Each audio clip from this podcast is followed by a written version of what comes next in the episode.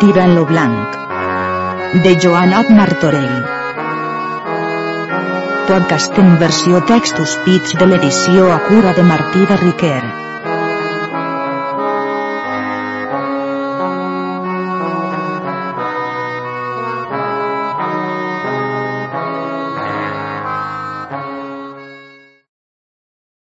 Episodi 1.1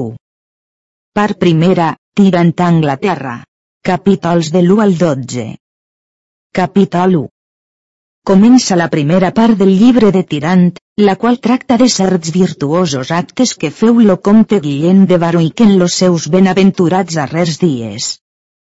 En tant al grau excel·leix lo militar estament, que deuria ésser molt reverit si los cavallers observaven aquells segons la fi perquè fonc instituït i ordenat. E per tant com la divina providència ha ordenat li plau que los set planets donen influència en i tenen domini sobre la humana natura, donant-los diverses inclinacions de pecar viciosament viure, em però no els atol l'universal creador lo franc arbitre, que si aquell és ben regit les poden, virtuosament vivint, mitigar i vensre, si usar volen de discreció, e per so, aplo divinal adjutori, serà de partit lo present llibre de cavalleria en set parts principals, per demostrar l'honor i senyoria que los cavallers deuen haver sobre lo poble.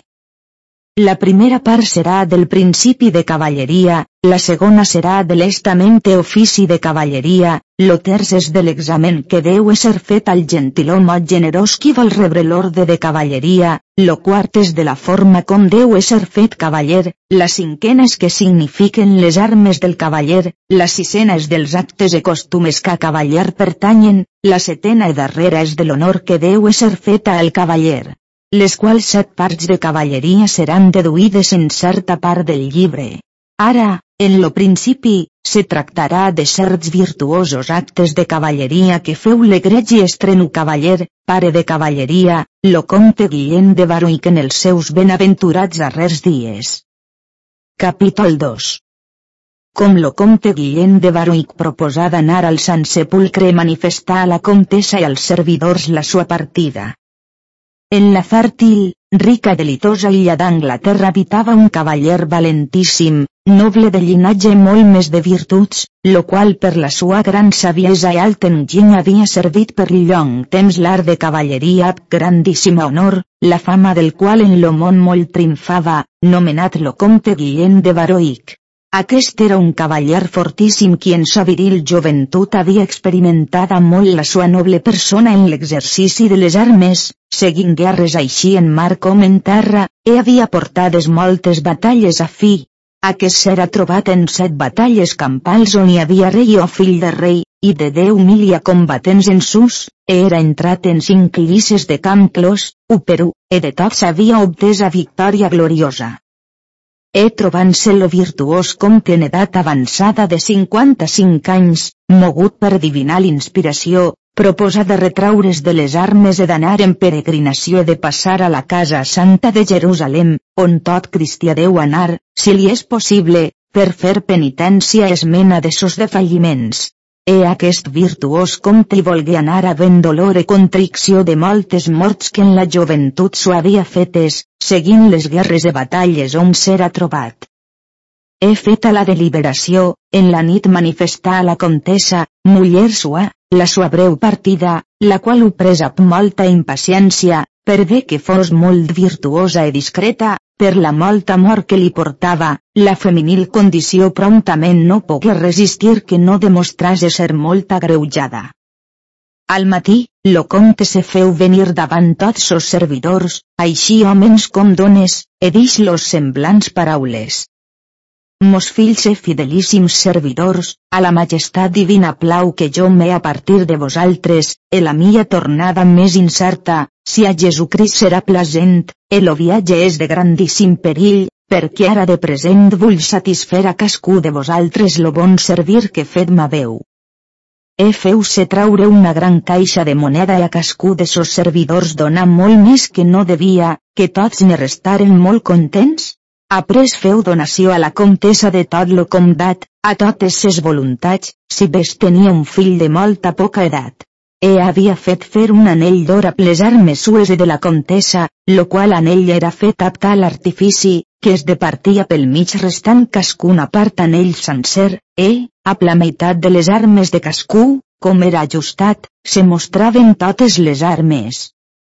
He complit tot lo de sus dit, giràs a la virtuosa comtessa et cara molt afable feu-li principi a paraules de semblant estil. Capítol 3 com lo comte manifesta a la comtessa sa muller la sua partida, e les raons que li fa, e lo que ella replica. Experiència manifesta que tinc de vostra verdadera amor e condició afable, muller senyora, me fa sentir major dolor que no sentira, car per la vostra molta virtut jo usame de sobirana amor, e grandíssima és la pena dolor que la mi ànima sent com pens en la vostra absència, però la gran esperança que tinc me fa conhortar, havent notícia de vostres virtuoses obres, que so ser que amb amor i paciència prendreu la mia partida, e, Déu volent, lo meu viatge, mitjançant les vostres justes pregàries, prestament serà complit i s'augmentarà la vostra alegria. Jo us deixe senyora de tot quant té, eus prec que tingueu per recomanats lo fill, los servidors, vassalls de la casa, e veus ací una part de l'anell que jo he fet fer, prec-vos carament que el tingueu en lloc de la mia persona i que el guardeu fins a la mia tornada. Oh trista de mi dis la dolorida comtessa. És era veritat, senyor, la vostra partida que fa ausents mi, Almenys feu-me gràcia que jo vaja a vos perquè us puga servir, car més estime l'amor que viure sens vostra senyoria, e si lo contrari feu, lo jorn que finaré los meus darrers dies no sentiré major dolor de la que ara sent, e a tot mon seny desitge sentir seu l'extrema pena que lo meu adolorit cor sosté, com pense en l'absència vostra. Digau-me, senyor, és aquest lo goig consolació que jo esperava de vostra senyoria? Aquest és lo conor d'amor e fe conjugal que jo tenia en vos? Oh mísera de mi! On és la mia grandíssima esperança, que jo tenia, que lo restant de ma vida aturàs la senyoria vostra ab mi? E no havia prou durat lo meu adolorit viduatge. Oh trista de mi, que tota la mia esperança veig perduda. Vinga la mort, puix res no em pot valer, vinguen trons i llamps de gran tempesta, per so que lo meu senyor ature que no es puga partir de mi. Oh comtessa e senyora, de mi jo bé conec que la vostra extrema amor vos fa passar los límits de la vostra gran discreció dix lo comte, he deveu considerar que com nostre senyor Déu fa la gràcia al pecador, que el fa venir a notícia de sos pecats i de falliments, e vol fer penitència d'aquells, que la muller qui ha matant lo seu cos, deu amar molt més l'ànima, en no li deu contrastar, ans deu fer gràcies a nostre Senyor Déu com l'ha volgut il·luminar, e majorment jo, qui so tan gran pecador, que en lo temps de les guerres he fet molts mals sedans a moltes gens. E no val més, puix me so apartat de les grans guerres e batalles, que em dotat al servei de Déu e faça penitència de mos pecats, que no viure en los mundanals negocis. Bona cosa seria que eixa dix la comtessa, em però veig que aquest càlcer de dolor a veure-sa, e tan amarques per a mi, qui so estada tant de temps, que no es podia recitar, orfe de pare de mare viuda de marit e senyor viu, e ara que pensava que la mia fortuna fos passada, e tots los passats mals haguessin remei, e veig que les mies tristes dolors augmenten, per què poré dir que no em resta sinó que és miserable de fill en penyora de son pare, e la trista de mare s'haurà conhortar a pell. Pres lo petit fill per los cabells e tirals-hi, e a plamar li donar en la cara dient-li. Mon fill, Plora la dolorosa partida de ton pare, e faràs companyia a la trista de ta mare. El lo petit infant no havia sinó tres mesos que era nat, e presse a plorar. Lo comte, qui veu plorar la mare lo fill, presen si molt gran congoixa, e volent-la conhortar no pogué retenir les llàgrimes de la sua natural amor, manifestant la dolor e compassió que tenia de la mare del fill, e per bon espai estigué que no pogué parlar, sinó que tots tres ploraven com les dones i donzelles de la comtessa veren fer tan extrem plor als tres, mogudes de gran compassió se prengueren totes a plorar i fer grans lamentacions, per la molta amor que li portaven a la comtessa. Les dones d'honor de la ciutat, sabent que lo comte devia partir, anaren totes al castell per prendre son comiat, quan foren dins en la cambra, trobaren que lo comte estava aconhortant la comtessa. Com la comtessa veu entrar les honrades dones, esperà que es fossin assegudes, après d'ix semblants paraules mitigant los treballosos assalts que en lo femenil coratge desesperades eleccions de molts greus enuts procurant infomen, gran és la turmentat esperit meu, però en les mies injustes afliccions poden ser per vosaltres, dones d'honor, conegudes. He acompanyant les mies doloroses llàgrimes i aspres sospirs, vençuts per la mia justa querella, presenten l'aflicció obra per l'execució que tal sentiment los manifesta. A vosaltres, doncs, dones casades, endrece los meus plors, e les mies greus passions signifique, però en los meus mals, faen los vostres, ap mius dolgau, com semblant cas com lo meu seguir vos puga, e dolent vos del vostre, qui us pot venir, haureu compassió del meu, qui més present, e les orelles dels llegins la mia dolor tal senyal facen, però un dels mals qui m'esperen me planguen, puix fermetat en los homens no es troba honor cruel. Perquè vens aquí no et vole fuig als qui et desitgen. Totes aquelles dones d'honor se llevaren e suplicaren a la comtessa que fos de sa mercè que donàs espai a la sua dolor, e, a plo comte ensems, aconhortaven-la en la millor manera que podien, a ella pressa dir. No és novella cosa a mi abundar en llàgrimes, com a que sia mon costum, car en diversos temps i anys que lo meu senyor era en les guerres de França, a mi no és estat dia freturós de llàgrimes, e, segons veig, lo restant de ma vida hauré de passar amb noves lamentacions, e millor fora per a mi passar ma trista vida en dorment, perquè no sentís les cruels penes qui en turmenten, e com a la serada de tal viure, fora de tota esperança de consolació diré, los sants gloriosos prengueren martiri per Jesucrist e jo el vull prendre per vostra senyoria, qui sou mon senyor, e d'ací avant tot lo que plasent vos sia, puix fortuna al renom consent per ésser me vos marit senyor. Emperò, vull que vostra senyoria sàpia tant de mi que absenta de vos estic en infern, e prop de vos en paradís. Acabant la comtessa les sues doloroses lamentacions, parla lo comte en la següent forma. Capítol 4 Raons de consolació que lo comte fa a la comtessa lo que ella replica en lo comiat, e com lo comte anà en Jerusalem. Gran és la contentació que la mia ànima té de vos, comtessa, del so de les darreres paraules que m'haveu ara dites, e, si a la majestat divina serà plasent, la mia tornada serà molt presta en augment de vostra alegria a salut de la mia ànima. E on se vulla que jo sia, la mia ànima serà a vos contínuament.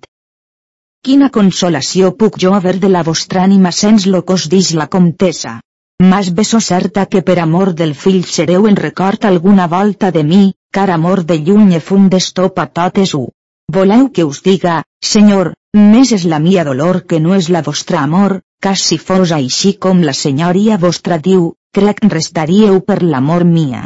Mas, què val al moro la crisma si no coneix la sua error? Què val a mi amor de marit sens resvaler? Comtessa senyora dix lo comte, voleu que donem fi a paraules. Que a mi és forçat de partir, el anar el o restar està en la vostra mà. Puix més no puc fer dix la comtessa, entrar-me'n en la mia cambra, plorant la mia trista desaventura.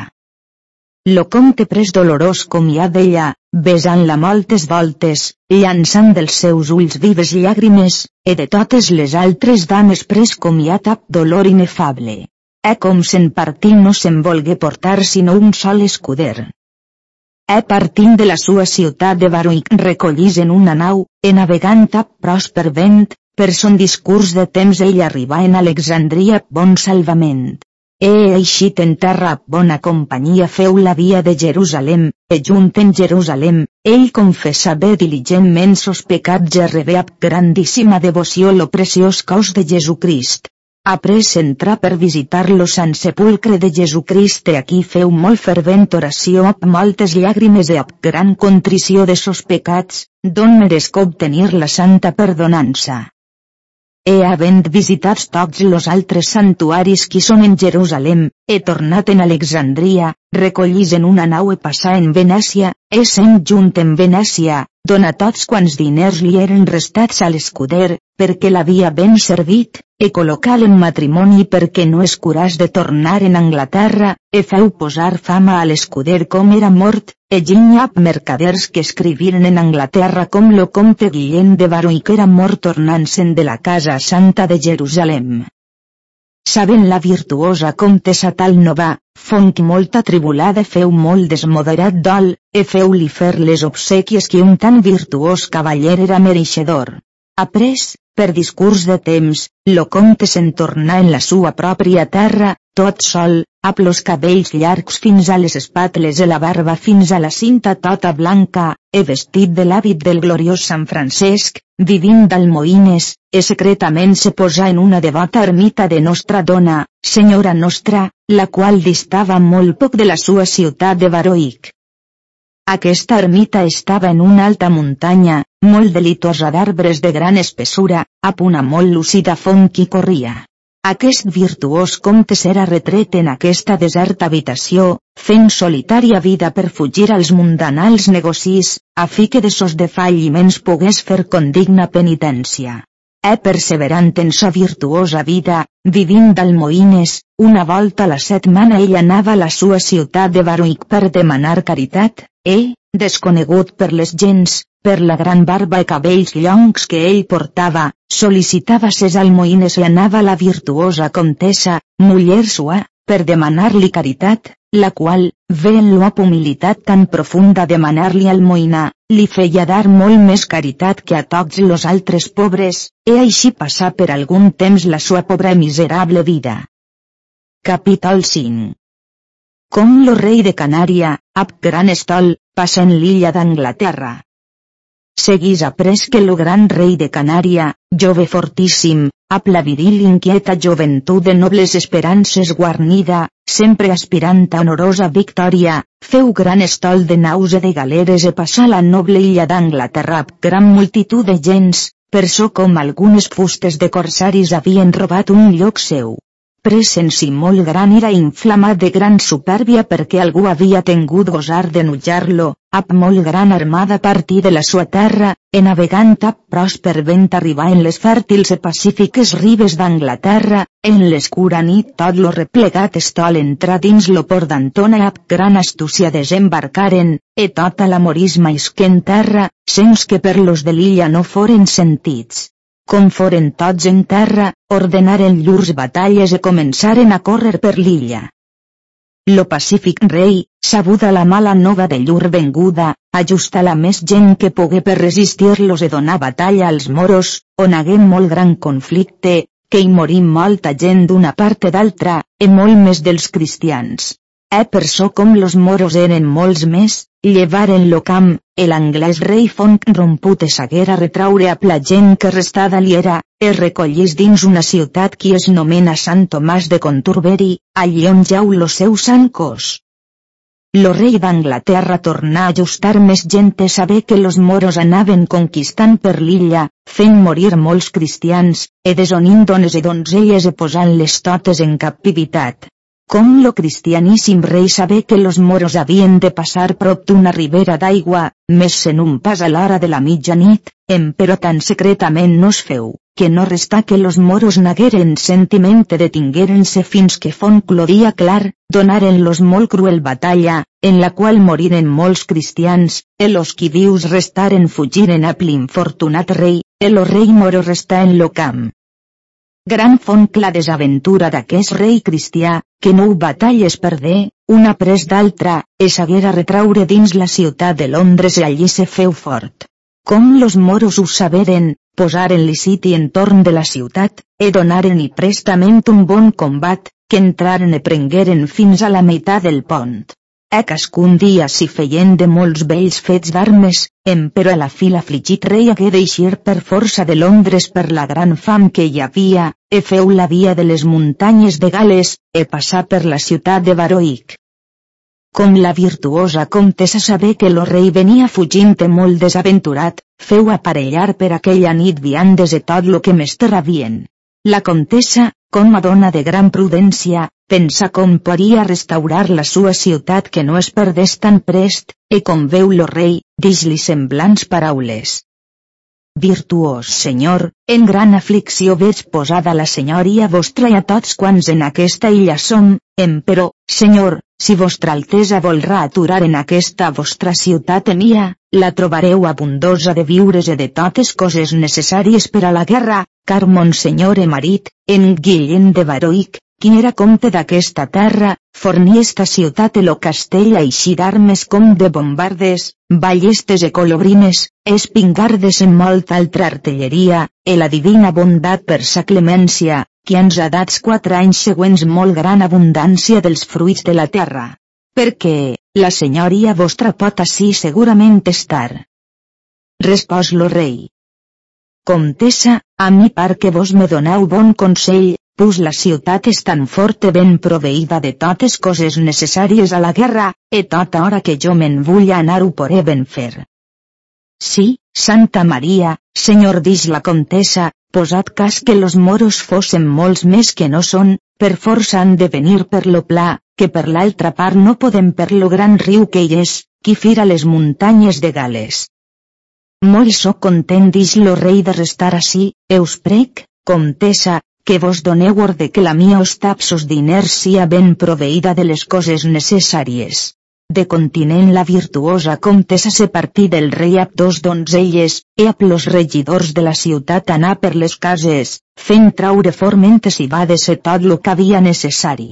Com lo rei i tots los altres veren tan gran abundància de totes coses, foren molt contents, en especial de la molta diligència de la virtuosa comtessa. Com los moros saberen que lo rei s'era partit de la ciutat de Londres, seguiren-lo fins que saberen que s'era recollit dins la ciutat de Baroic. Los moros, fent aquella via, combateren un castell i prengueren-lo, qui es nomenava Limburg, qui era dues llegües on estava lo rei. Ell ja que havien conquistat una gran part del regne, el dia de Sant Joan, lo rei moro, per fer alegria, ven cap tot son poder davant la ciutat de Baroic. L'afligit rei cristià, ven sap l'esperança perduda, no saber què pogués fer, pujassen alt en una torre del castell, mirant la gran morisma qui cremaven i destruïen viles i castells, faen morir tants cristians com podien, així homes com dones. Los qui campar podien venien cridant i corrent de vers la ciutat, qui de bona mitja llegua los podien ben sentir los mortals crits que daven, per lo gran perdiment que feien, per so com los convenia de morir o de ser catius en poder d'infels. E estant en tal manera, lo rei, mirant la morisma lo gran dan que feien, de grandíssima dolor pensava morir, e no podem més mirar la sua desolació, davallà de la torre on estava entrasen dins un petit retret, e aquí començà de llançar dolorosos sospirs, e los seus ulls destilant vives llàgrimes, fan les majors lamentacions que un home ja més pogués fer. Los cambrers qui estaven fora del retret, estaven escoltant lo dol que lo rei feia, e com haguem molt plorat i lamentat, feu principi a semblants paraules. Capítol 6 Lamentació que feu lo rei. Si a Déu plasen pot ser que jo més que vivent miserables i envergonyit, vinga l'amor sobre mi, qui és lo darrer remei de tots los mals, car a mi creixen infinits sospirs, tants e tals, que si virtut no em resistís, abreujaria los dies meus. O de mi, desaventurat rei, que tot lo món mos dan sa pietat mouen, e tampocs advocats en ma justa causa trobé. O rei sobirà de glòria, si la passió e poc saber vivament les mies fatigues a dir no en donen lloc, supleis tu, senyor, los defectes de la mia ignorància, puix tan ample clar camí te mostra la mira justícia. En no vulles, Senyor, per la tua pietat i misericòrdia, que aquest teu poble cristià, encara que sia gran pecador, no permeta la tua clemència que sia afligit per l'amorisme, mas conserva-le de fent-lo, e sia reduït al teu sant servei, perquè et puga servir a donar llaor i glòria. car en tal punt estic com lo treballat mariner, que fallint-li aquell porta on esperança de repòs presumia, per so recorrec a tu, sacratíssima Mare d'aquell Déu Jesús, que em vulles per la tua pietat i misericòrdia socórrer i ajudar, he de lliure'm d'aquesta gran impressió en la qual s'ho posat, a fi que en lo meu regne sia glorificat lo sant nom del teu gloriós fill. He estant l'afligit rei en aquestes lamentacions, posat lo cap sobre lo llit, e donar-li de parer que ves entrar per la porta del retret una bellíssima donzella, vestida de domàs blanc, amb un petit infant en los seus braços, en moltes altres donzelles venien après d'ella cantant totes lo magnificat. Com fon acabat de dir, la senyora d'elles s'acostà de vers lo rei i posar-li la mà sobre lo cap i dis-li semblants paraules. No dubtes, rei, en res, hages bona confiança que lo fill i la mare t'ajudaran en aquesta gran tribulació en què posat estàs. E lo primer home que veuràs a pillonga barba, que et demanarà per amor de Déu caritat, besa'l en la boca en senyal de pau, e prega'l graciosament que deixe l'hàbit que porta, e fes-lo capità de tota la gent. La dolorit rei se despertà, en no veu res, estigué admirat del somni que fet havia pensar molt en aquell, recordant-li tot lo que vist havia. Ells que fora del retret, e foren allí tots los majors cavallers, qui digueren al rei. Senyor, tots los moros se són atendats davant la ciutat. Lo rei feu molt bon esforç en la millor manera que pogué, e feu molt ben guardar aquella nit la ciutat. Lo matí següent lo comte ermita era pujat en l'alta muntanya per acollir herbes per a sustentació de sa vida, e veu la gran morisma que corria en tota la terra, desemparar la sua deserta habitació e recollís dins la ciutat, la qual troba molt adolorida.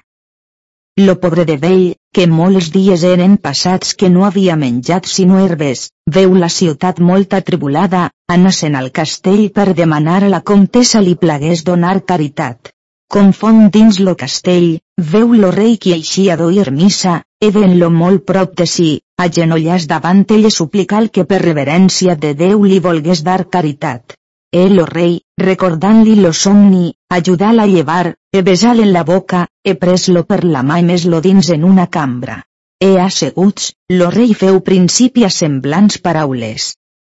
Capítol 7 Com lo rei d'Anglaterra pregà l'ermità. L'esperança gloriosa que tinc de la tua molta virtut, Pare reverent, me dona ànimo de pregar-te que ens vulles donar ajuda i consell en la molta nostra necessitat, com te veja home de santa vida i amic de Jesucrist, que vulles considerar edolre del gran dan i destrucció que aquests malvats infels fan i han fet en lo nostre regne, que la major part de l'illa han destruïda, e han-me vençudes moltes e diverses batalles e morta la millor cavalleria que en lo meu regne era.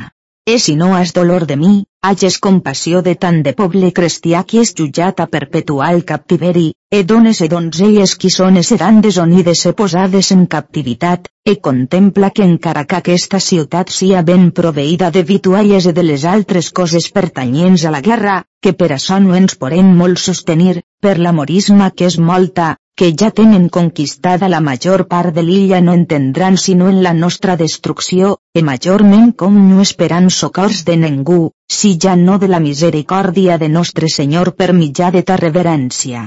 Perquè et prec carament, si tens amor a Déu ni caritat en tua vida, que hages compassió d'aquest afligit regne desolació d'aquell, que per ta virtut te vulles despullar aqueixes robes que portes de penitència, e vulles te vestir-les de caritat, que són les armes, que mitjançant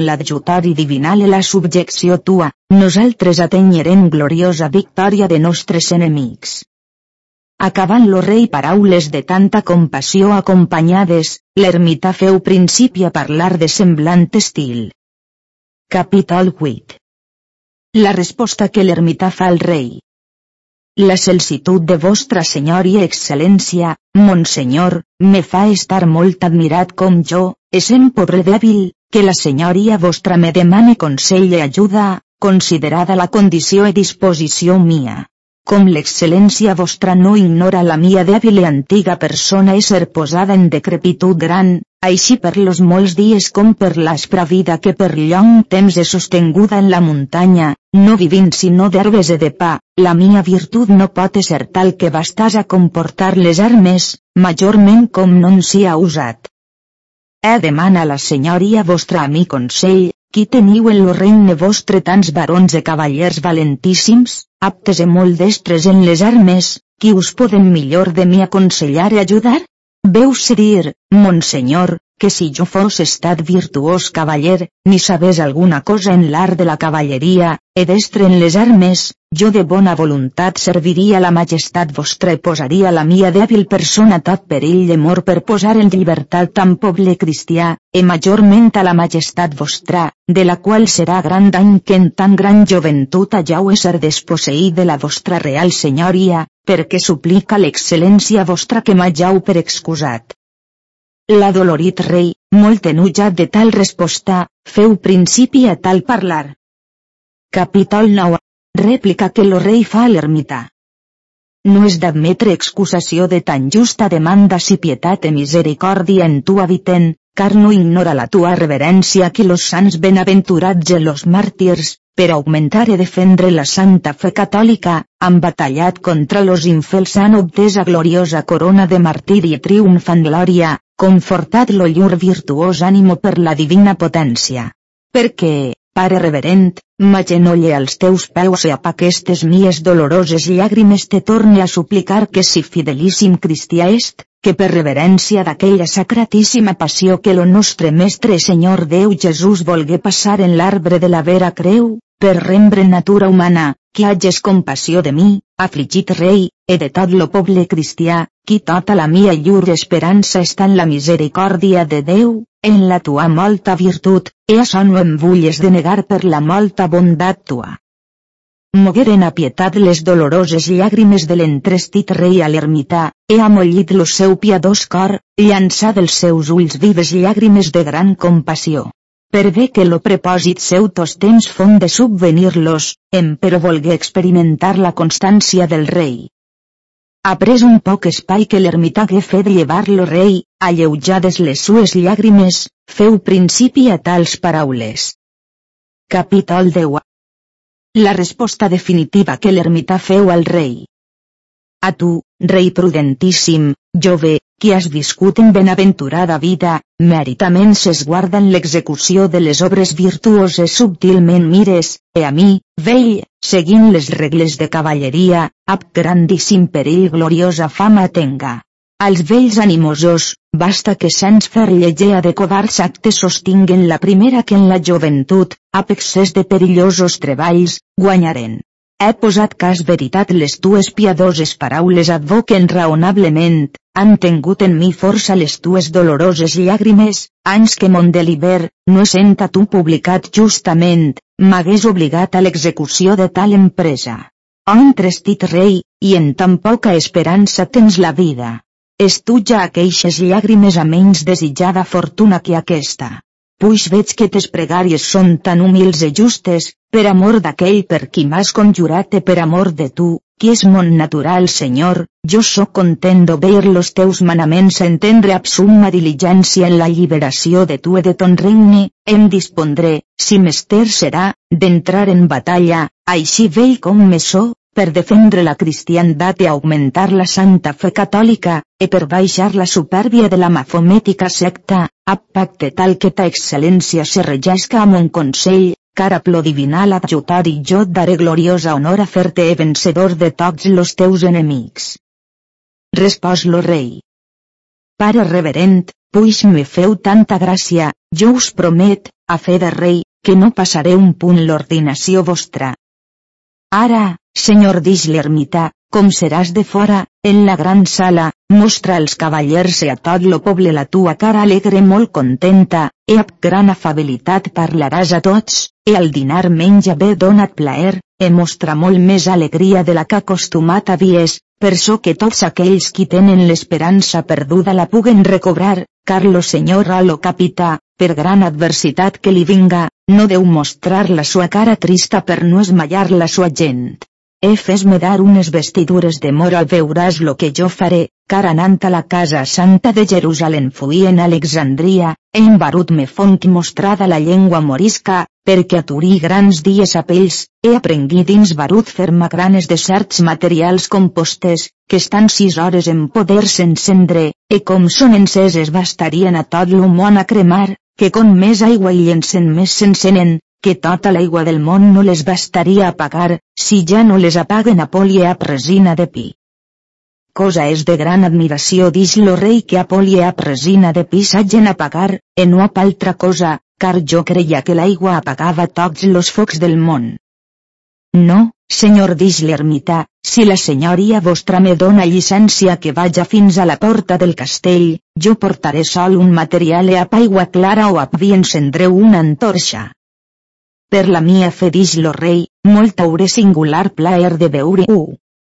El ermita prestament anà a la porta del castell per so com a l'entrar hi havia vista tals viva, pres-ne una poca gleva e tornar on era lo rei, he pres una poca d'aigua i llançar-la i de sus, encesap una palleta una candela. Dix lo rei. Jo ja més haguera pogut creure experiència tal si de mos ulls no ho hagués vist. Ara no tinc res per impossible que los homens no sàpien fer. En especial tals sabers cauen en gens qui van molt per lo món, e precte, pare reverent, me faces gràcia de dir-me totes les coses necessàries per a que és fet de les magranes, del que és mester. Jo, senyor dix l'ermità, les iré a comprar, per so com se millor conèixer los materials si són bons, per so com jo les he fetes moltes voltes de les mies mans. E com seran fetes, jo, senyor, iré tot sol de vers lo camp dels moros, e prop la tenda del rei jo posaré les magranes, e com vendrà quasi l'hora de la mitjanit, les magranes seran enceses, e tots los moros cuitaran de vers aquella part per apagar lo foc, e la tua senyoria estarà armat amb tota la tua gent. Com veuràs lo gran foc, ap tota la gent fir sobre ells, e fa certa la senyoria tua que Déu milia dels teus basten a desconfir cents milia dels altres, car jo puc dir ap tota veritat a l'excel·lència tua que trobant-me en Barut viu un altre cas semblant d'un rei contra altre, e a l'ajuda de nostre Senyor Déu e per consell meu la ciutat font lliberada dels enemics, el rei qui estava dins la ciutat font venedor, el altre, qui el tenia assetjat, font vençut. E la senyoria tua deu fer son poder, e qualsevulla cavaller, de saber coses per a ofendre sos enemics e defendre sos amics. Capítol 11 Les gràcies que lo rei d'Anglaterra fa a l'ermità. Plagueren a l'entrestit rei les avisades paraules de l'ermità feu l'infinides gràcies de la sua graciosa proferta, e presen si molt gran alegria, coneixent que lo consell que li dava era de virtuós cavaller acceptar que ella amb molta benignitat e prestament feu fer tot lo que l'ermita havia ordenat. E com hagueren dat fi a llur raonament, lo rei que en la gran sala mostrar la sua cara a la gent, molt alegre, e lo seu gest, que paria tenir molt gran ànimo. Tots los cavallers estaven admirats com veien al rei tenir tanta contentació, car molts dies eren passats que no l'havien vist riure, ne la sua cara alegrar-se.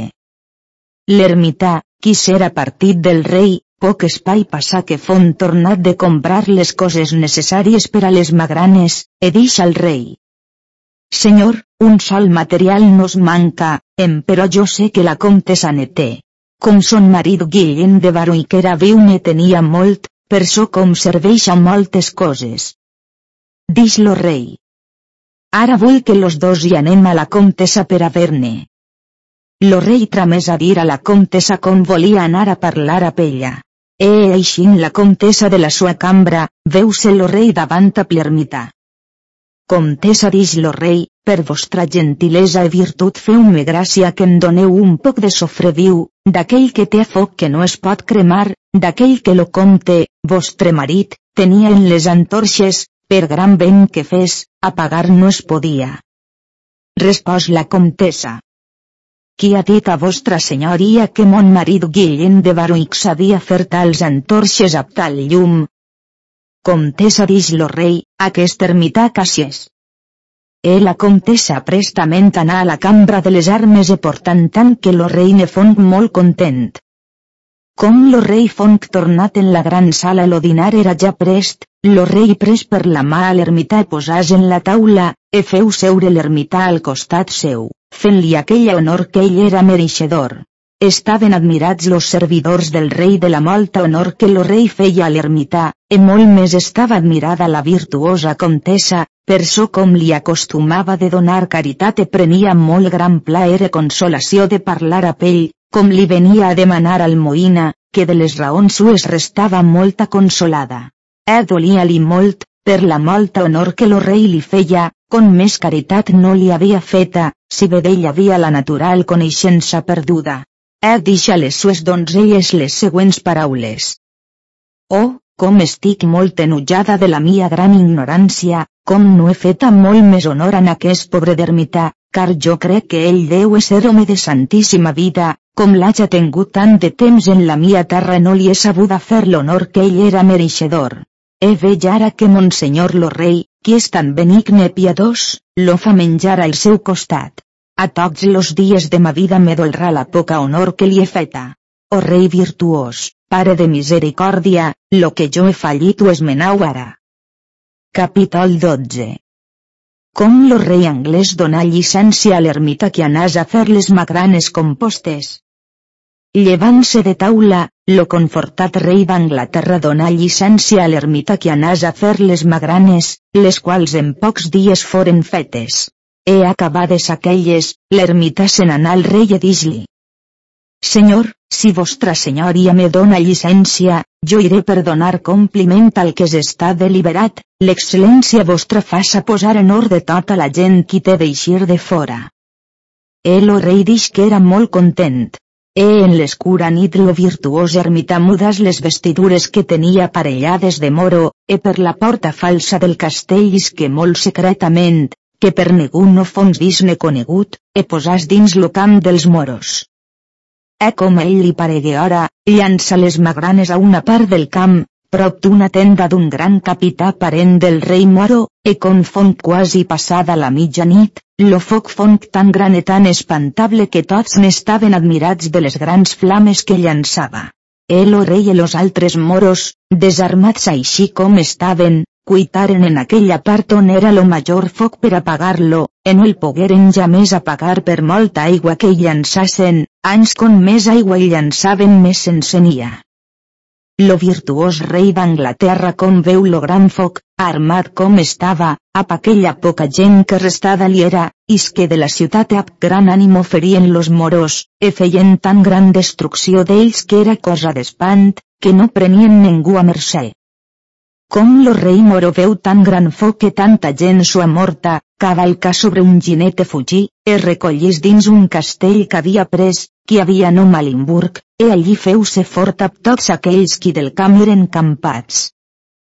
Fonc molt admirat ell i tots los altres moros, com eren estats així romputs, car no podien pensar quina era estada la causa de tan gran desbarat, com ells fossin cinquanta vegades més que los cristians. Com los moros foren fugits, los cristians robaren lo camp dels moros, e font ja de dia clar, ab grandíssima victòria entraren dins la ciutat. Lo rei moro, après passats quatre dies, tramessos ambaixadors a una lletra de batalla al rei d'Anglaterra, la qual era de la tenor següent.